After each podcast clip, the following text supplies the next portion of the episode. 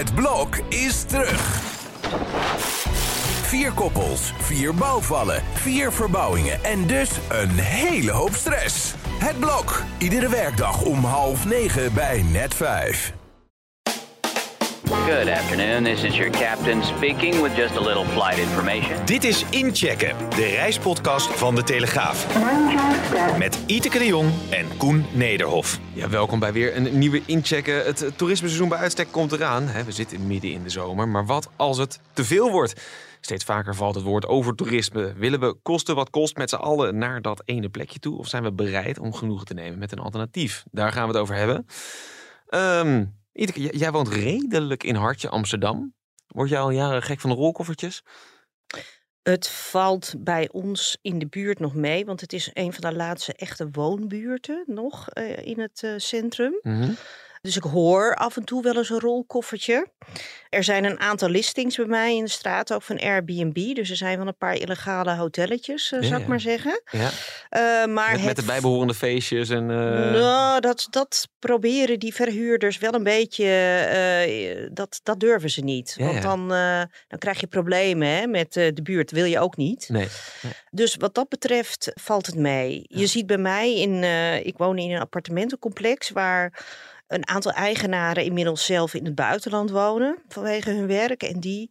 Ze mogen dus hun, hun appartementen niet op Airbnb zetten volgens de statuten van de VVE. Mhm, mhm. Maar zij doen wel eh, longstay. Ja. Dus ik heb Ja. nu weer nieuwe buren. Ze Ah, ja. zijn koks, een Fransoos en een Italiaan. Ja, ik kan me dit herinneren van mijn, mijn hypotheek van mijn huis toen ik in Amsterdam woonde. Dat ik inderdaad, eh, toen werd mij ook sterk afgeraden van, om, om hem op eh, Airbnb te zetten. Want dat, dat zou mijn hypotheekverstrekker eh, niet waarderen.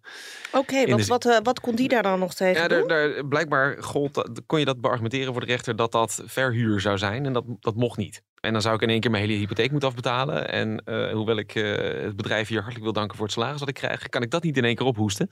Nee, maar je Ehm, ziet dus hele buurten in eh, Amsterdam. Ja. Bijvoorbeeld Amsterdam Oud-West. Achter de Overtoom, daar woont echt geen normaal mens meer. Nee. En, Dus, en het ook, op de ja. Wallen. Er wonen nog Ja. wel mensen, want mijn kinderen zitten op school in het, daar echt in die buurt. Er zijn ook nog een aantal kinderen die echt op de ouderzijds Voorburg of ouderzijds Achterburgwal wonen. Ja, dat gaat gewoon tegenwoordig 365 dagen in de week eh, gaat dat door. Dat moet je wel heel graag willen. Ja, ja en ik, ik, ik weet dat hè, op, ga op donderdagavond eh, over de wallen eh, lopen. ehm, en en nou, je hoeft niet eens zelf te lopen. Je wordt min of meer meegedragen door de Ja, menigte. het is ongelooflijk. ja. Ja. Hey, de aanleiding voor dit onderwerp is, is nieuws uit Frankrijk. De minister van Toerisme, Olivia Grégoire, tenminste ik neem aan dat je het zo uitspreekt, presenteerde een plan om de toeristische chaos op bepaalde plaatsen in het land te tackelen. Dat is opmerkelijk. Hè? Frankrijk is natuurlijk toeristische bestemming bij uitstek. Geloof dat dat het land is waar de meeste toeristen heen gaan ter wereld. Maar ja, we herkennen het waarschijnlijk allebei. We komen regelmatig in Frankrijk. Dat het daar wel eens heel druk wil zijn. Nou viel me ook op. Grégoire werd dan eh, uiteraard bevraagd van nou, mm, wat wil je doen dan? Haar verhaal, ja, eigenlijk eerst data verzamelen.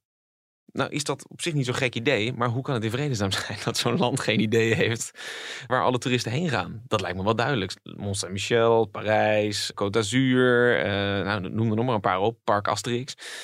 Nou, Ehm, daar is het altijd vrij rustig. Ik reed er gisteren, uh, ja, nog langs. Komt, je komt vers uit, eh, uit Frankrijk natuurlijk. Ja. Ja. Veel toeristen gezien? Eh, nou ja, kijk, ik was in Parijs voor de Airshow. En ehm, toen eh, had ik een borrel maandagavond eh, vlak in de buurt van de Eiffeltoren. Was ik met de eigen auto even naartoe gereden. En ja, dan zie je daar, dat gi- ging overigens eh, nog relatief prima, moet ik zeggen, na de avondspits.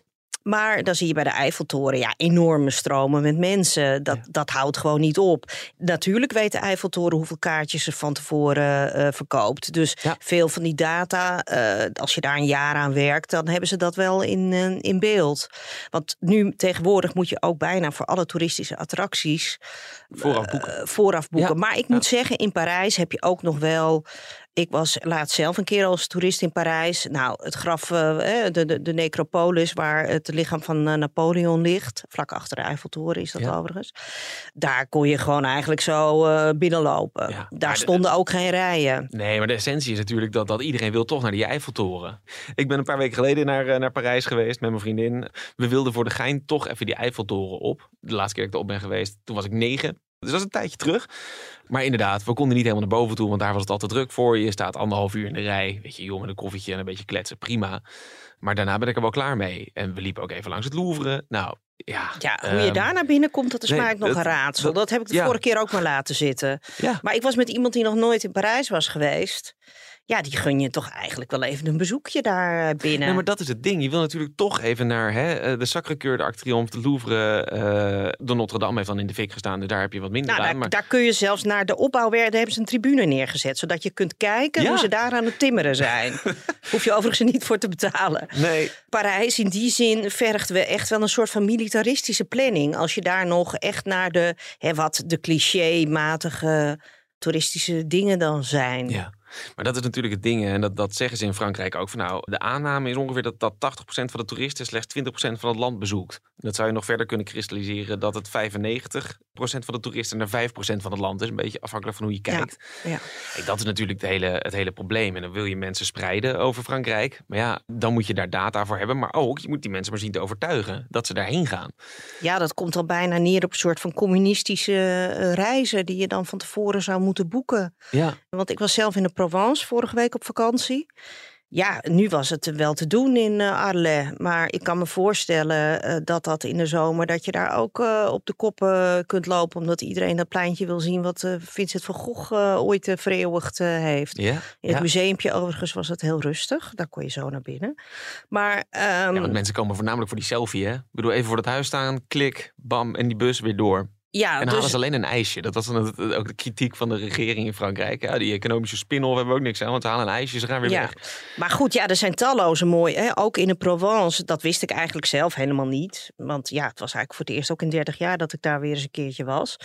Maar je hebt talloze kastelen en allerlei eh, kunst eh, met kunsttentoonstellingen. Dus ja, er valt genoeg genoeg te doen, behalve die highlights. Ik zou denken van, ja, dan moet je toch een soort van vanuit de staat trips maken. Maar in principe kun je dat al nu controleren Ja. door eh, van tevoren kaartjes te kopen. Ja. Dat is ook wat, wat ze, hè, want, want over toerisme is, is nou, de, wat ik zeg, de aanleiding is nu Frankrijk. Maar ja, over toerisme is een eh, inmiddels bekend fenomeen. Bijvoorbeeld op Italiaanse stranden, daar hebben ze eh, vorig jaar al en deze zomer op meer plaatsen gewoon ingevoerd. Je moet van tevoren reserveren en anders mag je het strand niet op. En dat zijn de bepaalde stranden op Sardinië en Sicilië. En ik vond hem wel een hele leuke. Een van die stranden, daar mag je zelfs geen handdoeken meenemen, want dan blijft het zand aan plakken. Dat is bijzonder zand, mag niet. Je moet een matje meenemen. Ehm, Oké. Ja, en anders krijg je boete. Maar bijvoorbeeld, hè, Thailand heeft een aantal jaar geleden eh, The Beach. Hè, de de Ja. film met Leonardo DiCaprio. Het boek, ja. Ja, en Ja. dat was zo populair. Dat werd één grote vuilnisbelt. Dichtgegooid. Boracay, dat is het mooiste eiland ter wereld. Al dus de Filipijnen zelf, denk ik. Maar dat werd wel gesloten zes maanden voor toeristen. Want het werd zo'n bende. En dat had er voornamelijk ook mee te maken dat allerlei eh, eh, mensen die daar eh, nou, een restaurantje of een hotelletje runden, hun riool op de zee lieten uitlopen. Dat moest even bijgespijkerd worden voordat er weer mensen welkom waren. En dan wel gedoseerd. Kon niet meer. Venetië is natuurlijk een heel bekend voorbeeld. Venetië, Ehm, ja. Overlopen moet je tegenwoordig ook. Je moet gewoon van tevoren je bezoek reserveren. En dat Ja. kost nog geld ook. Ja, en er mogen maar geen cruiseschepen meer komen van meer dan 25.000 ton. Oké, goed. maar betekent dat dan dat je daar nu gezellig eh, rond kunt lopen zonder eh, in de rij te staan? Ik ben er nog nooit geweest. Oh, Dit bewaar ik voor mijn huwelijksreis. eh, heb ik Ehm, ook gedaan. Het echt echt waar? een aanrader. Ja, Ja? ja? in de winter was het. Kijk. Toen. Maar dan staat het toch altijd onder water tegenwoordig? Nee, Oh. maar ja, pff, dat gebeurt af en toe wel eens. Maar Ja. Ik weet niet of dat nou erger is dan de andere jaren. Nee. Maar eh, ja, Venetië. Nee, ik ben daar ooit geweest. Eh, ja, ik ben er meerdere keren geweest. Daar woont echt geen normaal mens meer. Nee. Dat is eh, iedereen. het is gewoon een openluchtmuseum geworden. Ja, er zijn nog wat mensen die dan een kamer, eh, of die daar dan van oud zijn nog zijn opgegroeid, maar die dan nog één verdieping van een huis zelf bewonen. Maar hun kinderen, die- iedereen wel wil natuurlijk groter wonen. Dus dat is, eh, ja, openluchtmuseum, dat is eigenlijk wel de treffende. Een gewone normale kroeg, die heb je daar dus ook niet meer, waar gewone mensen komen. S'avonds dan, hè? Ja. Ik liep daar een keer rond en we wilden nog even wat drinken op een terrasje. Alles was dicht om half twaalf s'avonds. Ja, Wij vroegen ons af, waar zijn de gewone mensen? Ja, die zitten op die cruiseschepen of in een bus terug naar eh, het vliegveld. Nee, de gewone eh, Venetianen, die zijn er dus niet meer. Nee, die dat zijn er dus ik. niet. Nee. Ja, hele, hele saai. In Rome ver- vertekenen dat soort... eh, Ja. Daar was dat eigenlijk ook al zo.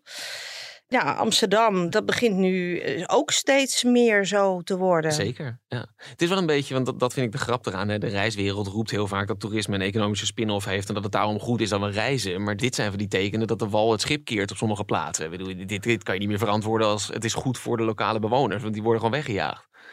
Ja, Ehm. maar als ik dan zie wat voor concrete actie daar dan bijvoorbeeld in Amsterdam op wordt genomen, dan eh, denk ik van draai je nou wel aan de juiste knoppen. Ja, Want- want, want, eh, neem ons eens mee, want jij woont er. Wat merk je ervan? De coffeeshops zijn volgens mij dicht voor toeristen. Ja, maar kijk, er zijn zoveel mensen die toch wel naar Amsterdam willen. Ja, en, En- je wilt toch naar het Rijks. Je wilt toch naar het eh Van Ja. Gogh. En je wilt toch naar de Wallen. Ja, dat klopt. Het Anne Frankhuis. Ja. Zolang de stad één grote hotelkamer is, hè, elke particulier kan gedurende 30 dagen per jaar zijn huis verhuren. Ja. Als je dat toe blijft staan, ik denk als je daar een eind aan zou maken, dat dat in ieder geval heel wat bezoekers in de stad scheelt. Dan heb je natuurlijk nog steeds dat je in omringende. Hè, Amsterdam had zogenaamd een hotelstop gedurende een aantal jaar ja, aan de rand van het Amsterdamse bos is een enorm renaissancehotel, eh weet je. En die mensen gaan dan elke dag op en neer naar Amsterdam. Dus het is een heel, heel lastig eh, verhaal. Maar Ja. in ieder geval, ik denk van... Hè, wat de gemeente Amsterdam, die wil nu dat Schiphol gaat krimpen... omdat dan daardoor er geen toeristen meer naar Amsterdam zullen komen. Nou ja, goed, dan komen ze dan met de auto of met de trein, weet je wel. Dat... En je zit ook nog met het dagtoerisme uit Nederland zelf natuurlijk, hè? Ja. Ja, maar tegelijkertijd is het natuurlijk wel zo dat, dat Amsterdam bijvoorbeeld een, een campagne is begonnen om, om met name Britse zuiptoeristen te ontmoedigen om naar Amsterdam te komen. En daar valt best wel wat voor te zeggen. Ja, waar, waar is die campagne dan? Op Britse, eh, die is daadwerkelijk in het Verenigd Koninkrijk uitgerold eh, een paar maanden nou, geleden. Ja, En da- dat is ook het- weer, maar dat is gewoon verspilling van gemeenschapsgeld. Is ja, maar het zijn niet de mensen die je hier wil hebben. Kijk, of het werkt of niet, weet ik niet. Nee, maar... ja, dat zijn ook weer van die dingen. Dat, eh, ik ontmoette de burgemeester een keer eh, op een eh, evenement over toerisme. Toen eh, had zij ook al eh, dit soort eh, teksten van ja, die, die zuiptoeristen die moesten dan niet meer komen. Ja, ik denk van veel succes ermee. Met qua prijs kun je natuurlijk wel aan beïnvloeding doen. Nou, precies. Want dat, dat is een Dan, want, hè, want Ja. als het te duur is, dan gaat die Britse zuiptoerist wel naar Praag toe. Of of naar uh, Wroclaw of zo. Om Ja. daar zijn vrijgezellenfeest Precies. te vieren. Maar je goed, dan nog. toerismebelasting omhoog gooien bijvoorbeeld. Nou, nee, nou ja, ik denk dus. Als jij elke particulier eh, hotelier eh, laat spelen, ja, dan hou je natuurlijk ook relatief goedkope hotelkamers. Ja. Ja. En heel veel van die toeristen zitten niet in het Waldorf Astoria. Dus eigenlijk Nee, die moet zitten je. hier allemaal bij Sloterdijk. Ik bedoel, wij zitten hier met, eh, op de basisweg met de Telegraaf hoofdkantoor. Nou ja, als je hier naar het station loopt, Ja. het is één grote hoteltoestand. Ja, En wel vrij goedkoop. Ja, nou ja, daar kun je niks meer aan doen. Maar ik denk het hobbytoerisme bij de mensen thuis, daar zou ik paal en perk aan stellen. Ja, ja. En dan gebruik je die hotelkamers voor waar ze echt voor bedoeld zijn. Dat zou misschien een slok op een borrel schelen.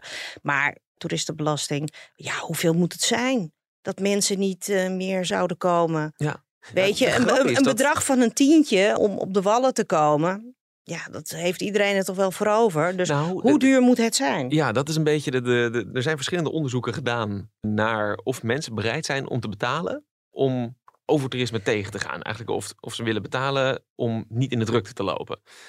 Overgrote deel van de mensen zegt ja, dat wil ik wel. Er is een onderzoek uit 2022 van het BUAS, hè, de, onze vrienden uit Breda. Daar bleek dan uit dat geloof ik 86% wil gerust 5 of 10 euro lappen als het minder druk is. Dus een toegangskaartje voor de wallen inderdaad.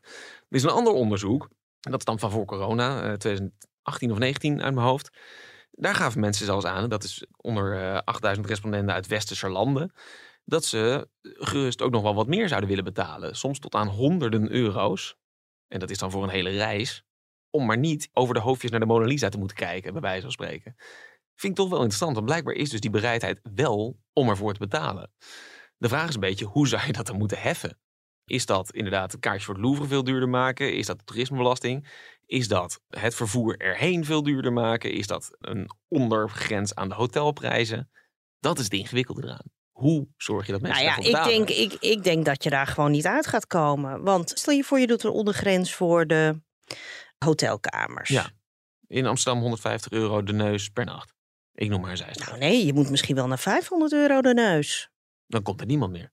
Nou, dat is een interessant experiment. Ja. Maar vervolgens gaan mensen naar de rechter toe. En dan, ja, de rechter zegt gewoon, ja, EU, eh, vrij land. Dus, eh, en net zoals het weren van eh, de Britse zuiptoeristen. Je kan het proberen te ontmoedigen, maar je kan ze niet letterlijk weren. Nee, nee, maar met een minimumprijs, dat is gewoon heel lastig. Kaartjes voor musea, nou, die prijzen zijn al behoorlijk pittig, geloof ik, voor Vermeer tentoonstellingen. Ben ik trouwens ook niet ingekomen, want heel veel toeristen waren mij voor. Hè, dus ik heb hem niet gezien. Ja, Ik weet hoe duur, hoe duur was dat kaartje? ik heb geen flauw idee. Oh, je Ik bent er ben, ook niet eh, geweest. Kunst, kunst is een eh, lichtelijk eh, blinde vlek voor mij. Oké. ja. Nou, in ieder geval, mensen kwamen uit de hele wereld naar Amsterdam afgelopen voorjaar om daar de Vermeers te zien. Kijk, en in Frankrijk bijvoorbeeld, daar heb je vaste prijzen voor musea. Hè, dat Ja. kost 18,50 eh, als ik me niet vergis. Voor een kind eh, tussen de 8 en 11 is het eh, eh, 19 euro. Journalisten mogen overal gratis in. Nou, maar moeten weten. Dus eh, ja, moet je perskaart. Eh, in Rijksmusea. Ja, dus ja, ja, dat is dus ook al lastig. En met systemen gaan werken. Ik wil wel 50 euro betalen. Want dan kan ik de Mona Lisa wel zien. Ja, dat is natuurlijk ook niet heel erg democratisch. Nee, klopt. Nee. Dus dat zijn gewoon hele lastige eh, fenomenen. Ja. Er is iets grappigs aan de hand, hè? want, want dit, dit, plan in Frankrijk wordt nu uitgerold. Dus eerst gaan ze data verzamelen en dergelijke. In Nederland hebben we zo'n plan al vijf jaar. Dat is Perspectief 2030, het plan van eh, het, het MBTC, het Nederlands Bureau voor Toerisme en Congressen. Een beetje ingegeven ook door. Ze waren eigenlijk altijd bezig met gewoon Nederland te promoten als toeristische bestemming. Maar je merkte toch hè, in Amsterdam, in Giethoorn, in Kinderdijk. Nou ja, ik, ik heb zelf eh, lang in Leiden gewoond. Nou, als ik ging wielrennen, eh, kon ik precies zien wanneer de keukenhof open was. Want Dat is overigens altijd wel goed geregeld. dat, nou, maar dat gaat nu ook veel beter. Want die zijn dus inderdaad met tijdslots gaan werken. Nee, waardoor maar er geen vroeger- files meer staan. Maar ja, hoe- ja, daarvoor eh, ben ik nog wel eens... eh, nou, dat was niet altijd even leuk. Ja. Het idee daarbij is een beetje dat ze proberen om regio's of gemeenten eh, te overtuigen om te kijken van nou, welk toerisme wil je nou hebben en zet daar nou specifiek op in met campagnes. En probeer dus ook mensen te verleiden om ergens anders heen te gaan. Je noemde Van Gogh al. Ze hebben dus in, in eh, proberen allerlei Van Gogh toeristen, dat is heel hip nu, Van Gogh, naar Brabant te lokken om daar nou, een wandeling te doen. Of naar, hè, eh, er staat daar een Van Gogh museum. Er zijn verschillende plaatsen die met Van Gogh te maken hebben. Ehm, Ja, ik zag het. om daarheen te gaan, Ja. om dan het een klein beetje weg te halen uit Amsterdam. Ja, maar haal je het hem wel weg? En Ja, daarbij je haalt, am- 40, je haalt 40.000 mensen weg. En het is, maar het, het gaat Nee, om... want er, staan nog, er zijn nog altijd genoeg mensen die ook naar het Van Gogh in Amsterdam willen. Ja, Dus ik Ja. denk dat dit le- alleen maar leidt juist tot meer toerisme. Spreiding leidt per saldo tot meer toerisme. Ja, het is, maar het, staat vast dat er veel meer dat toerisme groeit in Nederland. Dat is het uitgangspunt ook. Of we het nou willen of niet. Ja, de enige manier om dat te voorkomen is te zorgen dat mensen hier niet heen kunnen komen. Maar ja, dat is, dat is lastig. Maar dat het toerisme gaat toenemen is, is helder. Sterker nog, de verwachting was dat tussen 2018 en 2030, nou laat het door corona misschien 32 of 33 worden, het aantal toeristen in Nederland verdubbelt. En dat is ook omdat dat heel India gaat reizen, heel China eh, gaat reizen. Nou ja, noem het allemaal op. Daar groeit een middenklasse en die wordt gewoon rijk en die wil, die wil het allemaal zien. Ja. Ja. je moet wel iets bedenken waardoor ze, nou ja, eh, bij wijze van spreken, hè, iedereen gaat naar Marken. Hier is want iedereen wil dat dijkje zien, dat wordt ook allemaal aangeprezen. En tegelijkertijd liggen er hele leuke stadjes bij en daar schreeuwen ze van, nou, kom maar hierheen en daar komt niemand. Ja, nou, iets mooie taak voor het NBTC. Dat ze, maar goed, kijk, die kunnen toch gewoon een deal maken met de tours en tickets van deze wereld. Door ehm, andere reizen aan te bieden. Ja, klopt. Maar goed, ik geloof er dus persoonlijk niet in dat het per saldo dat je dan die rijen in Marken gaat voorkomen. Door bussen naar Edam te sturen. Nee, ja. Weet ik niet. Waarschijnlijk is er wel een, een, een. Er worden niet voor niets, maar dat is, dat is misschien vanuit een heel erg westerse blik. Er worden wel allemaal van die off the beaten track merken opgezet op dit moment. Waardoor reizigers Ja. worden verleid om ergens anders Maar er zijn nog altijd genoeg Indiërs en Chinezen die dan alsnog komen. Want weet je wie ik nou vorige week miste op het strand van Cannes? De Chinezen. Ik was ooit tien jaar geleden daar op vakantie. En eh, het was trouwens wel in een andere. Het was in oktober toen. En ik was toen met een klein blond jongetje. En op dat strand stonden allemaal Chinezen. Bij het gebouw waar dan het filmfestival eh, wordt Ja, gehouden. En de boulevard en zo. Dus al die Chinezen die kwamen mijn zoontje op de foto zetten daar.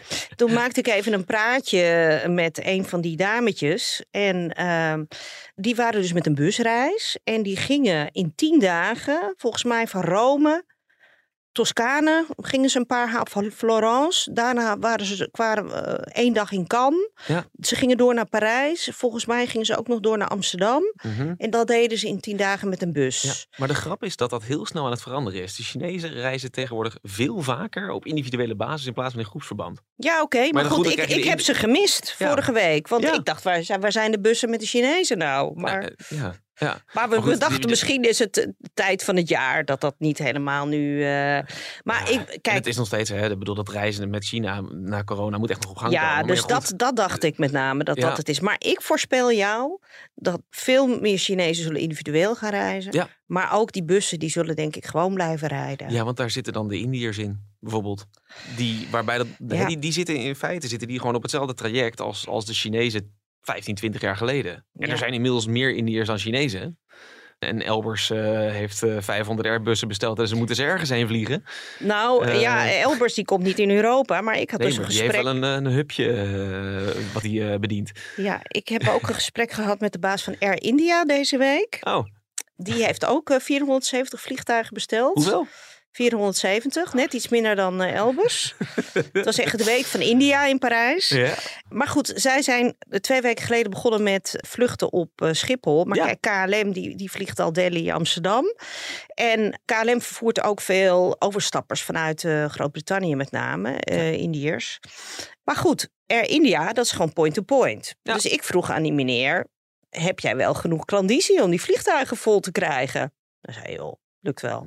Ja. Schiphol is een zeer interessante markt voor ons. Dus ja, Die zijn er wel knap tussen gekomen voordat het slot erop gaat. Ja, Hmm. maar volgens mij. eh, en, en hij kan nog verder uitbreiden binnen de bestaande eh, afspraken die er zijn tussen India en, en Nederland. Dus ja, we kunnen onze borst nat maken. Hey, maar even, hè, want, want dat overtoerisme, er zijn er natuurlijk allerlei manieren om proberen het tegen te gaan. En volgens mij de enige manier om het echt tegen te gaan, is wat ze in sommige plekken, dus in, in Italië doen. Gewoon zeggen van nou, je mag niet meer naar binnen als je niet gereserveerd hebt. Frankrijk doet het overigens ook. Er is een, eh, nationaal park bij Marseille. Heel populair. Veel te populair. Werd één grote vuilnisbelt. Slot erop gegooid. Toegang vragen. Moeten we daar in Nederland niet ook dan aan? Waar wou je dat doen? Bij Hazeldonk of op Schiphol? Waar, waar, waar, waar wil je de toegang, de tol heffen? Ja, kijk, het, het gekke is, je kan moeilijk een heel hek om Amsterdam heen zetten. En zeggen van, nou, je mag alleen naar binnen als je toegangskaartje hebt. Maar ja, je zal iets moeten verzinnen, want, eh, want het... Kijk, bij Venetië is dat natuurlijk zo gepiept, want dat ligt eh, ja, op een eiland. Ja, precies. Dus hoe Ja, maar gaan we dat doen in Dat, Amsterdam? ja, maar dat, dat is heel erg ingewikkeld. En tegelijkertijd zou ik zeggen dat, dat je verleidt daarmee tegelijkertijd mensen om naar andere plekken toe te gaan. Moet je het wel een beetje faciliteren. Ik weet dat Schokland, hartstikke leuk om heen te gaan. Maar ja, je kan er niet eens komen met openbaar vervoer. Moet je 55 minuten lopen naar de laatste bushalte. Ja, dat helpt niet. Nou, daar kunnen ze wel een lijntje voor verzinnen. vanaf eh, Lelystad Airport. Ja. Eh, sorry, vanaf Lelystad. Ja. Vanaf station Vanaf Lelystad, Lelystad. Vanaf Lelystad Airport is leuk. Dan kunnen we de asielzoekers die ze daar willen gaan opvangen erheen rijden. Dat is ook aardig. Blijf jij in Amsterdam wonen, ook als er twee keer zoveel toeristen komen? Nou, dat weet ik niet. Moeten we het eerst nog maar zien. Ja, De gemeente die heeft zelf de sleutel in handen. zeker. Ja. Door allereerst maar zijn eind te maken aan al de hobbyhoteliers. En Ja. dan kijken wat, wat het effect daarvan is. Ja. Ja, wat toegangswegen tot de wallen, toegang vragen. En eh, kijk, we hebben natuurlijk ook nog de discussie van het erotisch centrum. Straks hebben we dan twee erotische centra in, eh, in Amsterdam. Dus ik zou eh, denken van, als je toch echt begaan bent met die... zet daar gewoon een hek omheen. Ze sluiten allerlei wegen af voor auto's, dus dat kan je ook doen voor voetgangers, toch? Dat lijkt me dan ook. Ja, maakt het wel een stukje leefbaarder. Begin er maar eens mee. En ik heb toch altijd het gevoel dat er altijd sprake is van een dubbele agenda bij de gemeente Amsterdam. Ze willen, ze willen het zogenaamd aanpakken, maar wat doen ze nou in de praktijk? Ja, je, ik bedoel, op de Nieuwstraat ruikt het nog steeds gewoon naar wafels.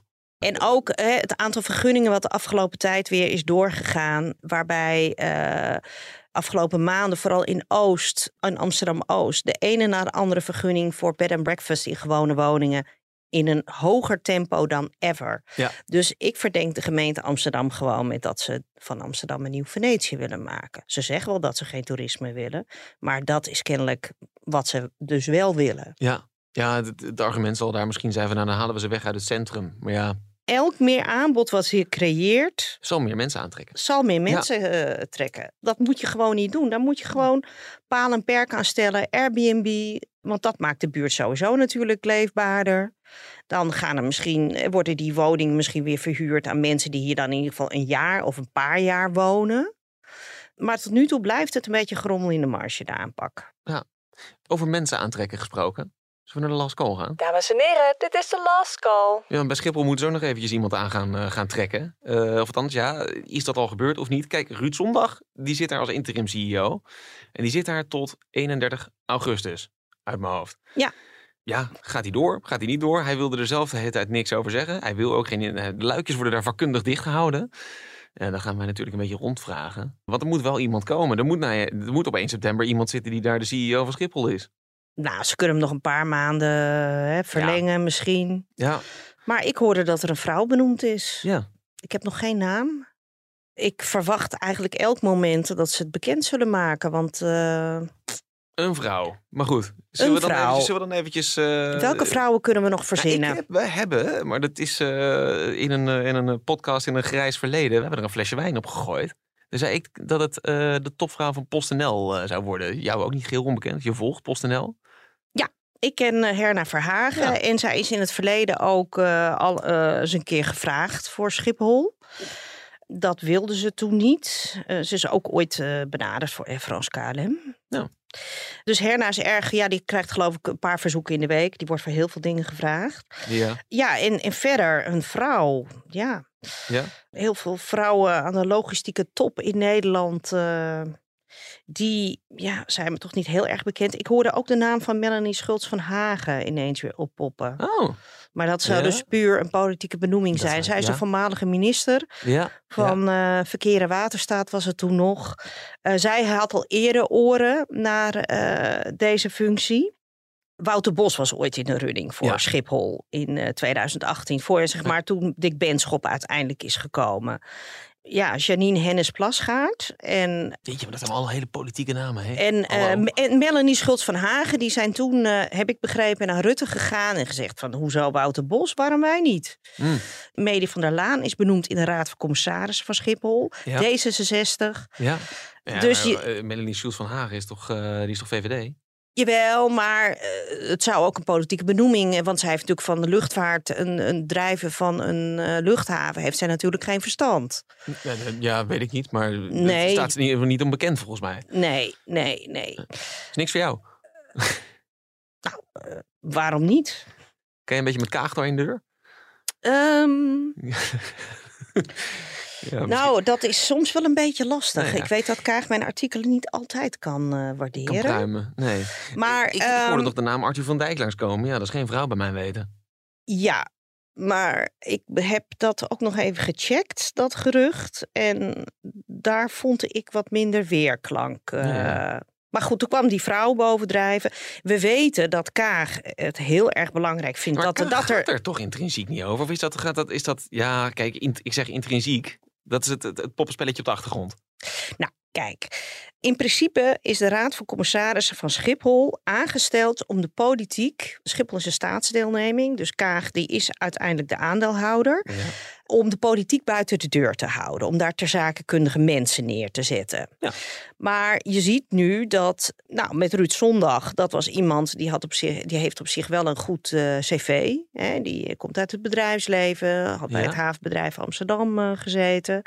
Ja. Maar ik heb vorig jaar in de aanloop tot de benoeming van zondag ook meerdere malen hier artikelen over eh, geschreven. En toen zei Financiën heel erg expliciet dat ze heel erg op zoek waren naar een vrouw. En dat geldt dan niet voor eh, de NS, waar toen Wouter Koolmees is Ja. eh, neergezet. Ja. Maar goed, die is weer van D66. Ja. Dus nou, dat, eh, ja, en Rintel was dan van de NS al naar, naar KLM eh, ja, gegaan. en er gaan nog altijd geruchten dat zij ook een vriendin van Kaag is. Ja, Het geruchtencircuit in, eh, ook bij KLM eh, draait daar nog steeds op volle toeren. Zowel Kaag als Rintel die hebben dat ontkend tegenover mij. Nu is dus D66 in de Raad van Commissarissen gekomen van Schiphol. Dus Kaag heeft haar liaison daar een, en een vrouw. nou, zo zou je dat kunnen zien. Ja, Ja, kijk, of, dus- of zoiets weet je niet. Voor hetzelfde gaat is, is het gewoon een, een, een benoeming die, die eh, daar volledig los van staat. Ja, dat, Nou we ja, kunnen maar het niet controleren, maar je kan inderdaad, als je het wil zien, dan kan je het zien. Nee, maar kijk, Medi van der Laan die heeft verder niet kennis die verder heel erg relevant is voor het drijven en toezicht houden op een luchtvaartmaatschappij. Nee. Dus eh, hè, dat is toch altijd wel verstandig als je het bestuur wil controleren, dat je een beetje snapt waar, waar het over gaat. Ja. En ja, Medi van der Laan, voormalig staatssecretaris van Cultuur. Ja, dat is allemaal leuk en aardig, maar het voelt toch een beetje aan van Medi heeft ook een leuk baantje gekregen. Snap je een beetje? We gunnen het haar natuurlijk van harte. Ja. Maar goed, in ieder geval dus die politieke link die zit nu al in de RVC. Dus ik denk, nou, misschien komen ze met een eh ter eh, iemand eh, naar voren. Je hebt Petra de Ruiter nog. Die is, eh, voor, was de COO van eh, Transavia. Ja. Die zit nu bij een gokbedrijf. En eh, ja, die kunnen ze natuurlijk ook terugvragen. Het is ook een vrouw en eh, heeft verstand in ieder geval eh, van eh, de business. Ja. Is toch trouwens heel bizar, hè? Dat ze, hè, ze willen dus per se een vrouw. Nou ja, een- dat hoor ik. En, een- en dat is ook het Ja. beleid van Kaag. Maar dat was een droomkandidaat. Een vrouw. Nou, Ja, Anne Buis. Dat was de droomkandidaat. Ja, Nou die, die, dat is natuurlijk water under the bridge. Dat gaat, dat gaat niet meer gebeuren, kan ik me aannemen. Maar ik vind het wel, ja, het is toch opvallend. Ja, vorig jaar had ze het kunnen laten zien. Maar ja, dat Ja. is toch niet gebeurd. Nee, ja, en ik kan me niet En voorstellen die aanvankelijk nog, was, het, eh, was het plan dat zij, zij zou eh zij- Benschop ja, eh, moeten opvolgen. Op. Ja, nou ja. Ehm, maar we- We, goed. gaan het, eh, we gaan het zien. Die fles Ehm, wijn die blijft staan, Ja, wordt zeker. vervolgd. Doen we. Dan gaan we daarmee afsluiten. Over twee weken zijn we er uiteraard weer. Laat het liefst in de tussentijd een positieve rating achter op de app waar je dit op luistert. En tot dan. Dag. Dag.